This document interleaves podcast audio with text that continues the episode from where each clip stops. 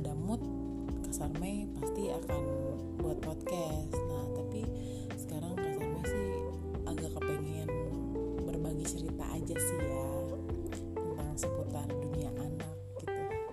Yang Kak Sarmai dapet dari kerjaannya Kak Sarmai nah Kak Sarmai itu uh, bekerja di salah satu dunia pendidik salah satu uh, perusahaan pendidikan yang ada di Indonesia yang pasti kalian tuh banyak uh, tahu sedikit tahu uh, perusahaan uh, bimbingan minat baca anaknya. Bisa disebut bimba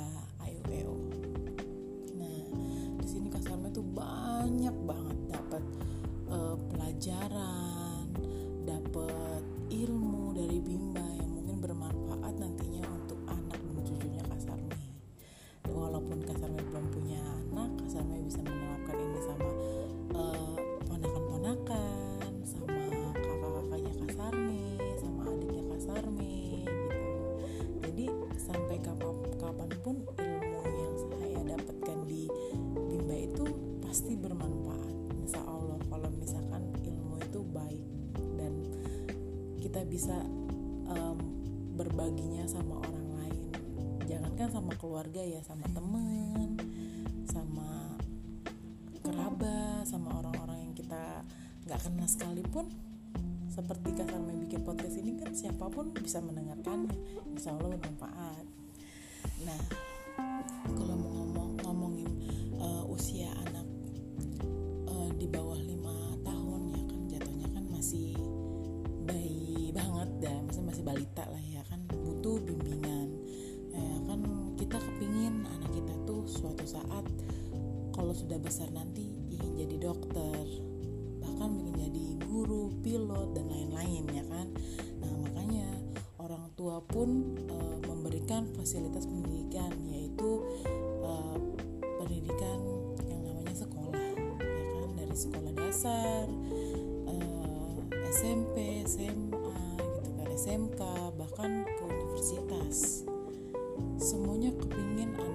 sukses dan jadi orang istilahnya kayak gitu kan kata kasarnya itu pengen jadi orang gitu. Tapi kita tahu nggak sih cara mendidik yang benar cara mencontohkan uh, ke anak uh, begini loh nak cara belajarnya cara bacanya begini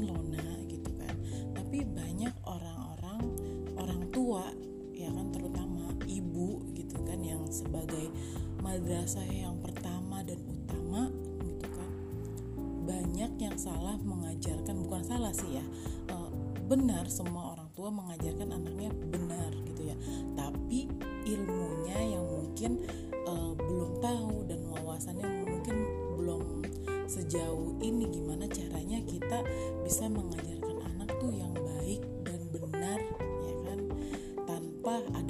kekerasan tanpa diomel-omelin tanpa dengan uh, perlakuan fisik gitu kan. Sampai uh, perlakuan fisik dan psikisnya pun kadang anak pun uh, walaupun udah besar nanti pasti dia keinget. Dia pasti mengingat-ingat begini aku dulu kan pernah loh dicubit sama aku cuman gara-gara aku nggak mau nulis dan tulisan aku jelek gitu bisa merasakan. Dalam hatinya pun istilahnya kok mama aku tega?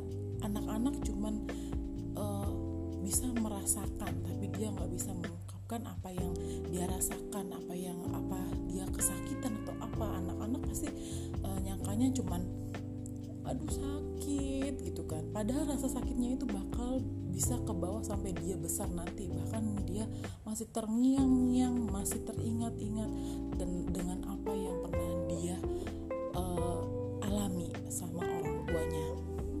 Seperti itu.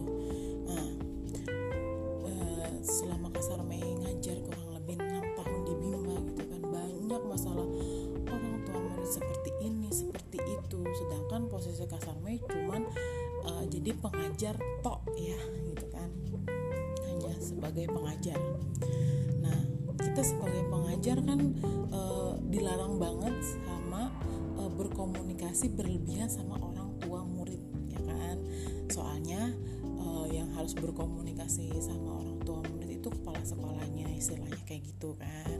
Nah jadi apa pun yang terjadi dalam uh, antara kita mengajar sama anaknya gitu. Apa pun yang jadi komplainan orang tuanya pasti orang tuanya komplain uh, ke orang ke ini ke kepala sekolahnya. Nah kepala sekolahnya menampung dan kepala sekolah pun laporan sama pembina atasan kita lagi gitu kan ya. Mungkin um, sedikit banyaknya yang kasar Mei udah pernah dapetin di gitu kan. Kalau misalnya kita ingin benar-benar uh, apa sih benar bikin anak itu nurut emosionalnya uh, apa sih jadi stabil. Terus kalau kita arahin bisa nah gini Kasar Mei mau berbagi sedikit untuk mudah-mudahan ada yang mendengar orang tua lah mau kakak adik gitu ya. Misalkan mudah-mudahan ini uh, ilmu yang bermanfaat.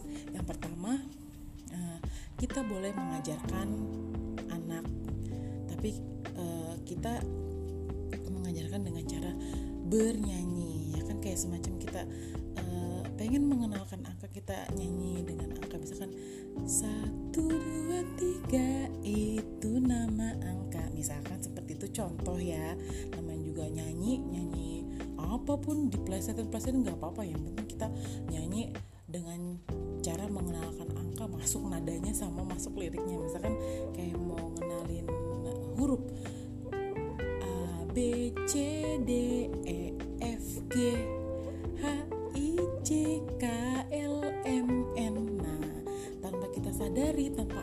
tanpa anak sadari gitu kan maksudnya. Uh, dia tuh udah belajar angka misalkan ini huruf A misalkan ini huruf A yang ini namanya huruf A misalkan seperti itu ya kan gaya belajar uh, kita di bimba seperti itu mengenalkan huruf dan angka dengan bernyanyi uh, kayak bermain misalkan kayak main puzzle misalkan ya mengasah uh, ke apa sih keterangan mengasah uh, apa sih gerak motoriknya gitu kan. Bisa tapi diselipkan angka-angka diselipkan huruf-huruf gitu ya kan. Jadi belajar itu bukannya menakutkan untuk anak-anak tapi belajar itu untuk uh, kita biar anak itu nggak nggak membayangkan belajar itu susah gitu kan. Belajar itu aku nggak enggak aku nggak mau belajar. Aku kalau belajar nanti aku dimarahin kalau aku nggak bisa. Pasti anak berpikirnya 99% pasti seperti itu. Coba kalau misalkan bunda satu hari aja uh, nyanyi misalkan nyanyi balonku ada lima rupa-rupa warnanya. Hijau kuning kelabu merah muda dan biru. Meletus balon hijau dor misalkan kita mau mengenalkan matematika. Kakak tadi kan uh, bunda kan nyanyi ya. Nyanyi itu nyanyi balonku tapi yang ada yang pecah loh. Satu yang warna hijau. Jadi balonku yang tadinya ada lima terus pecah. Satu ada berapa ya kita hitung yuk. Satu dua tiga empat. Wah ada empat ya. Hmm, kalau tahu begitu bunda uh, kalau misalkan kayak gitu uh, kakak pasti bisa deh kalau misalkan hitung seperti itu. Masa sih bun misalkan gitu ya? Iya coba aja gitu kan kayak kita menarik perhatian anak tuh seperti itu gitu loh. Bikin pelajaran itu menyenangkan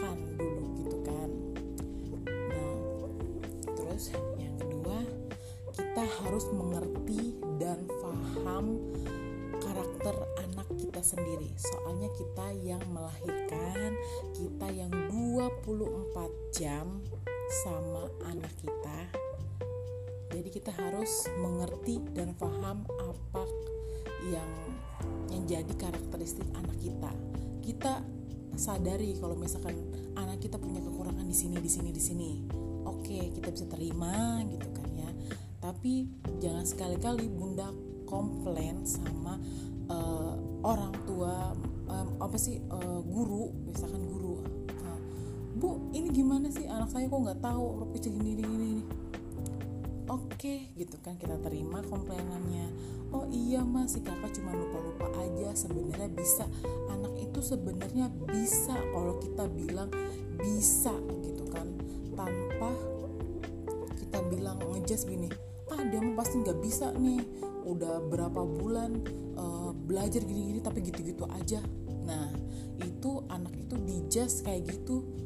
Denger anaknya pasti bilang kejadian itu pasti anak terus-terusan nggak bisa nggak mungkin nggak bisa. Bilang setiap anak-anak yang males belajar setiap anak-anak yang nggak mau ngitung yang nggak mau bilang dan semangati dia ayo nak pinter bisa kok gitu. Bisa jadi tertanam di dalam hatinya dia uh, gini bunda aku baik banget bunda aku udah semangatin gitu kan misalkan gitu kan namanya anak kan nggak nggak punya perasaan kayak orang dewasa. Jadi dia cuma dipendem yang dia ingat itu nanti bakal teringat kembali pas dia dewasa nanti gitu. Jadi selalu membekas di hatinya dia gitu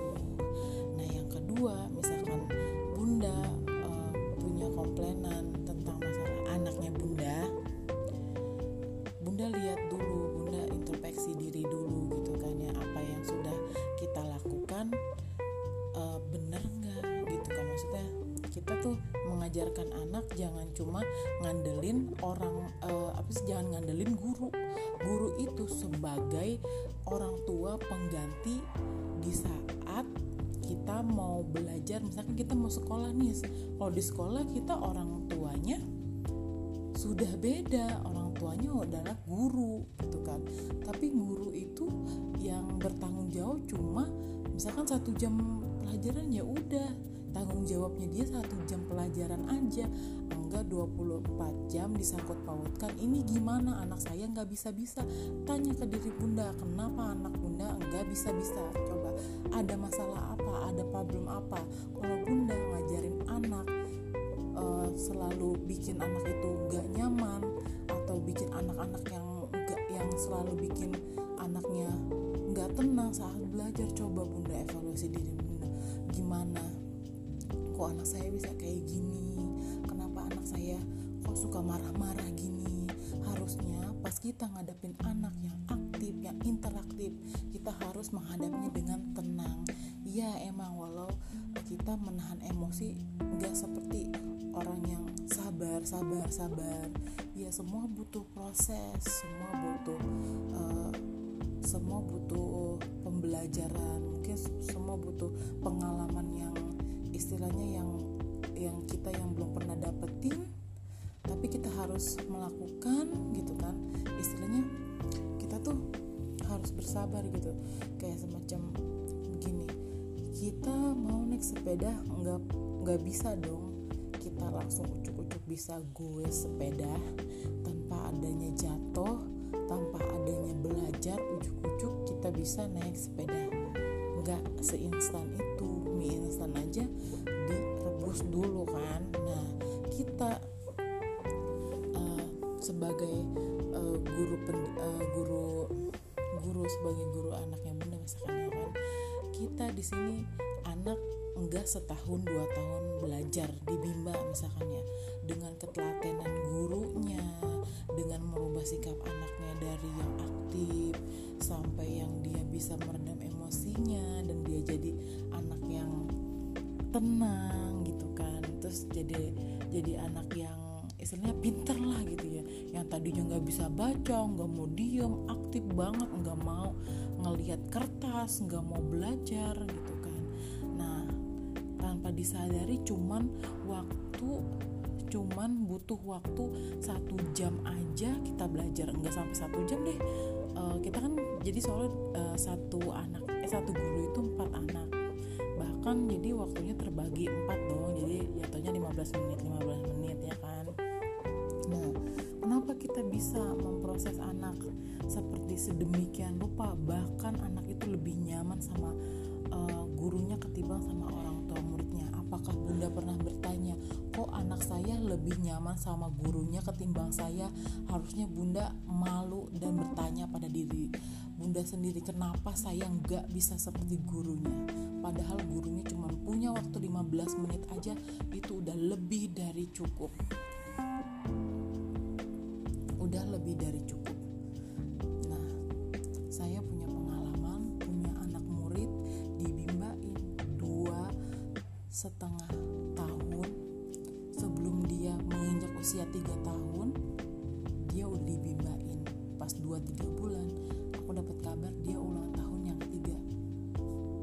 pantesan gitu kok ini anak kayaknya masih kecil banget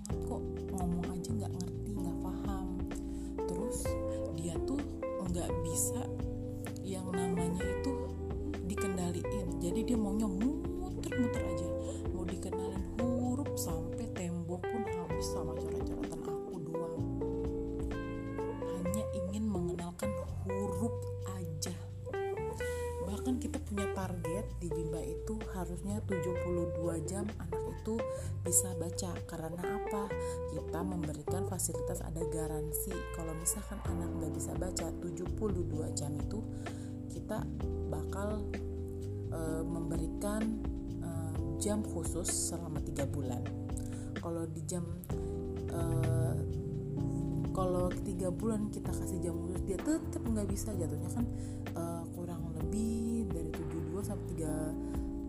bulan hampir 90 jam lebih lah ya kurang lebih ya.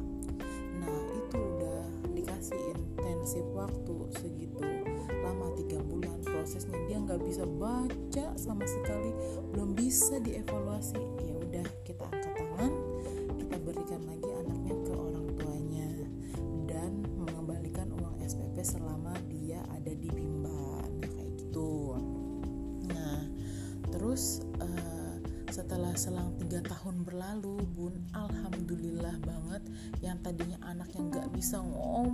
sekali dan ngomong tuh uh, butika ngomong butika aja nih maksudnya uh, kasarnya dipanggilnya butika kan karena nama kasarnya Satika Mene nih. Ngomong tuh bukika bukika. Dia nggak bisa ngomong butika. Baru baru saat ini hari ini di tahun 2020 dia baru bilang butika emangnya tentara nah kosakatanya udah banyak banget. Nggak tahu kenapa aku ngerasa uh, ada perubahan yang sangat sangat besar banget dari dirinya dia gitu ya kan. Sampai orang tuanya pun bilang Butika jangan keluar dulu nanti adek sama siapa. Enggak kok bun aku nggak bakal keluar nanti ada saatnya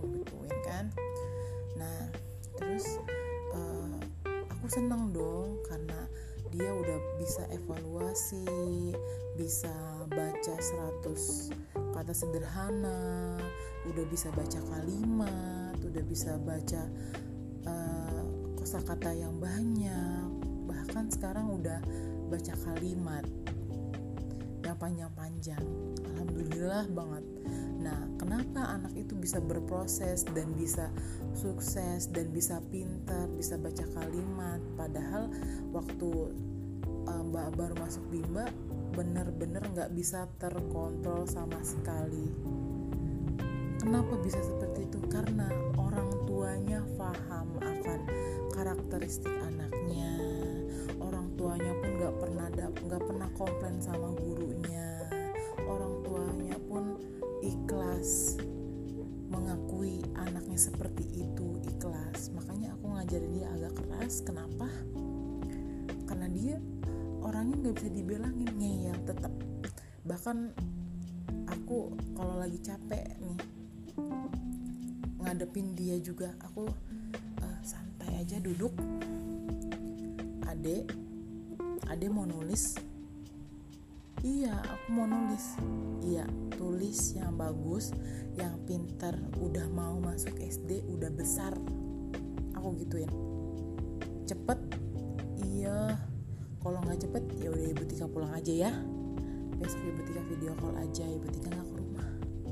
Karena apa? Kita bukan mengancam. Tapi karena dia udah umurnya 6 tahun bisa dikasih pengertian. Kalau anak 3 tahun 4 tahun 5 tahun belum bisa dikasih pengertian. Karena kenapa? Mau dibilangin pun nggak bakalan bisa. Dia nggak ngerti dia nggak paham. Kita bilang nah awas jangan main di pinggir kolam. Nanti jatuh. Nggak bisa digituin. Makin penasaran. Anak itu coba kalau nggak nyemplung. Harusnya dialihkan.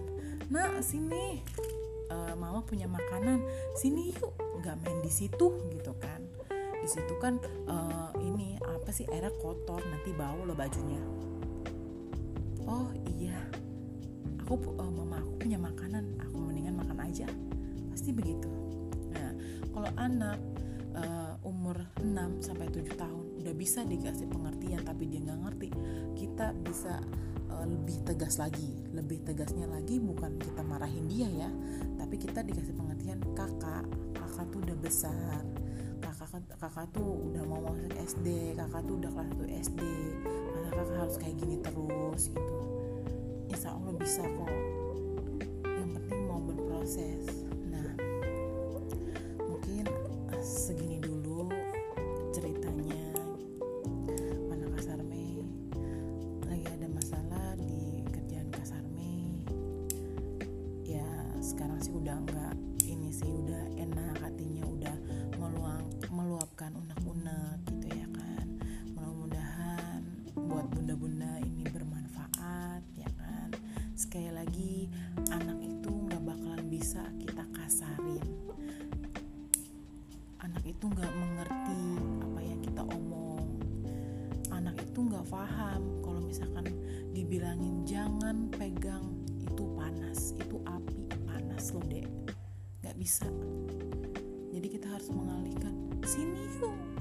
kita mainan ini aja yuk. Ini kan enak loh mainannya.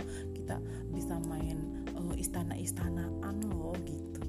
Dialihkan caranya dialihkan bukan dilarang. Kalau dilarang anak-anak semakin dilarang semakin penasaran semakin dia pegang itu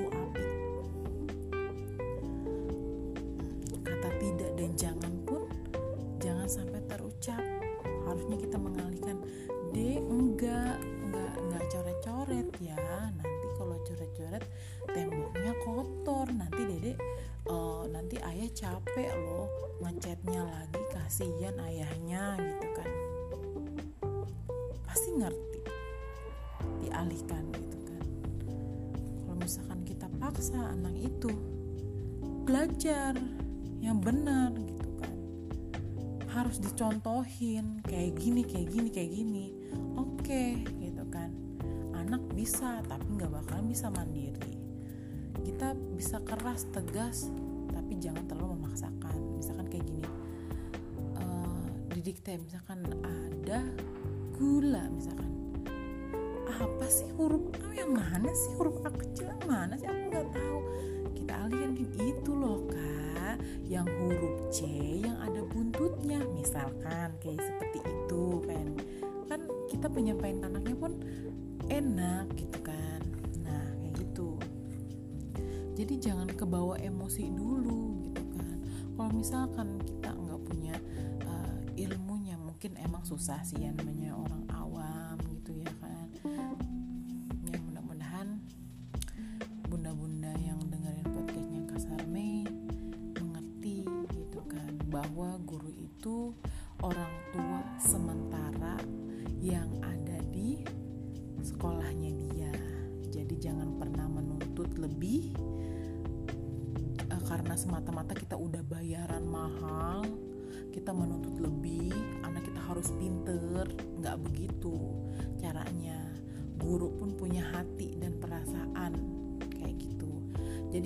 harus balik lagi kepada diri kita sendiri. Kita tuh udah jadi orang tua yang baik atau belum untuk anak kita?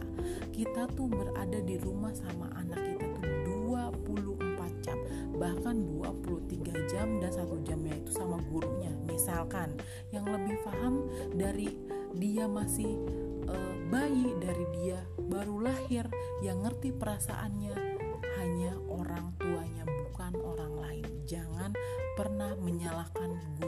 sebagai uh, sebagai uh, tenaga pendidik jangan pernah mengejas guru guru yang salah gurunya yang gak bisa dugur emang bunda nggak merasakan kalau misalkan suatu saat bunda uh, jadi guru atau jadi apa kalau misalkan bunda disalahin emangnya mau digituin sama orang? Enggak kan? Nah begitupun guru guru pun belajar cuman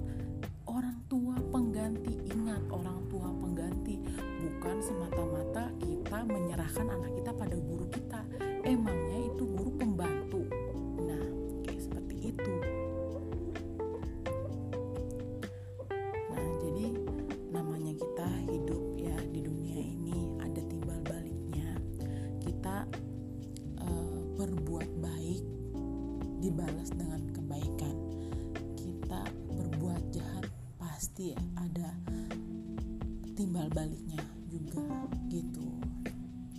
Nah Kasarme pun sempat kecil sama atasannya Kasarme karena Kasarme diperlakukan nggak dienakin gitu loh. Kenapa kita harus mengikuti apa kemauan orang tua?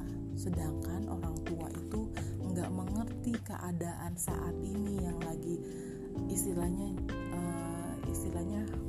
pandemi kayak gini gitu loh. Kita dituntut kunjungan ke orang tua murid. Kita waktunya di jalan butuh waktu untuk pergi ke rumah satu dan ke rumah lainnya. Bisa 10 sampai 15 menit. Ada itu kan perjalanannya kan. Kita dituntut seperfect mungkin.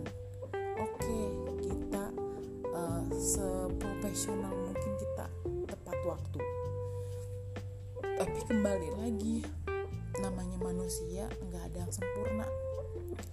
Masa iya kita dari rumah satu yang ke rumah lainnya satu detik kita sampai emang kita jin yang bisa ngilang gitu aja? Tring ada di sini ada di sana ada di sini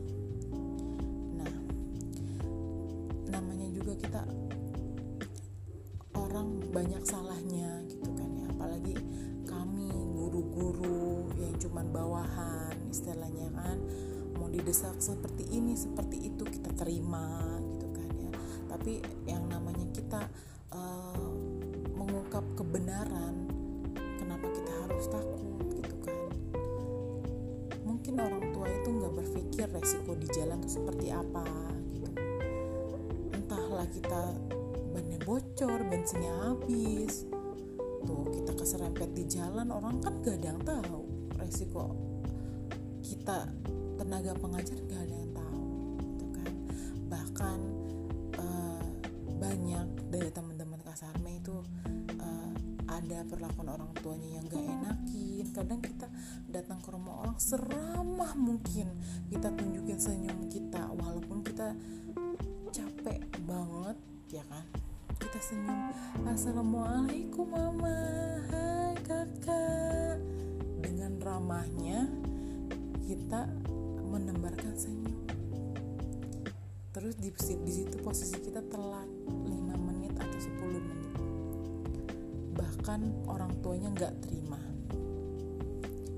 kok telat bu? Gitu. Kita cuma bilang apa iya ma maaf soalnya jauh. Kayak gitu kan.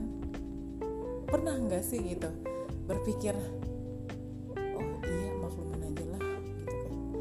Nggak apa-apa. Iya bu ya silahkan masuk bu duduk dulu gitu kan. Uh, dulu bu mau mau ambil minum dulu ya gitu kan.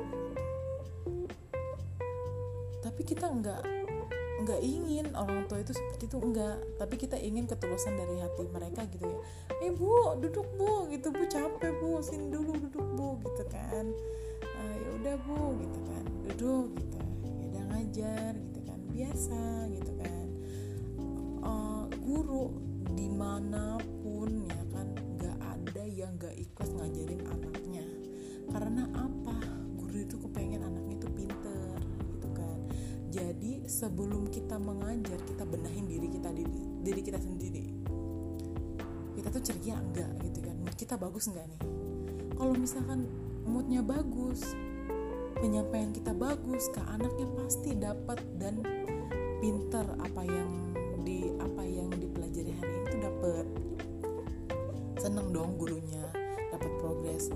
Ih si kakak cepet banget nih ya dari bulan ke bulan kok ini cepet banget sama aku gitu kan gimana nggak bangga anak muridnya bisa lulus bimba naik eh, apa sih daftar SD pas dari marapot ranking satu. Bangganya minta ampun. Tapi kita uh, namanya uh, guru bimba ya udahlah cuman guru bimba doang. Banyak kan guru bimba itu enggak. Ada yang sekolah tinggi kayak D1 pendidikan S1 apa gimana? Enggak Kasarme sendiri Kasarme enggak sekolah Kasarme enggak punya uh, basic untuk enggak ada enggak ada basic kayak semacam ilmu tentang dunia anak enggak enggak sama sekali. Kasarme pure uh, dikasih ilmu dari bimba langsung. Jadi Kasarme uh, bersyukur banget diketemuin sama bimba jadi Kasarme bisa uh, apa sih lebih bersabar lagi menghadapi semua apa yang terjadi di kerjaan yang Kasarme lebih lebih legowo lagi lebih sabar lagi gitu kan. Jadi yang kita mainkan di sini bukannya emosi emosional gitu ya kan tapi lebih ke spiritualnya. Kalau kita punya kesalahan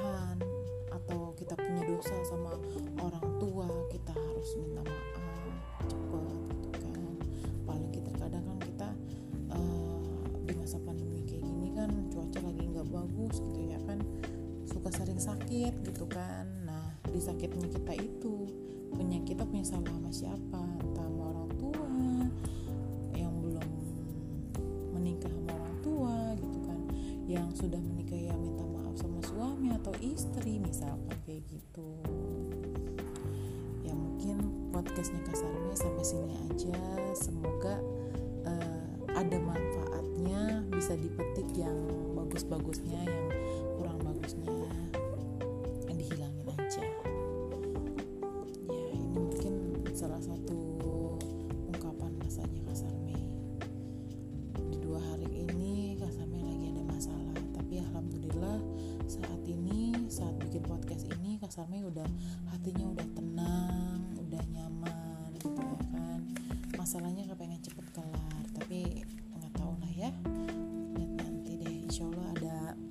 episode keduanya.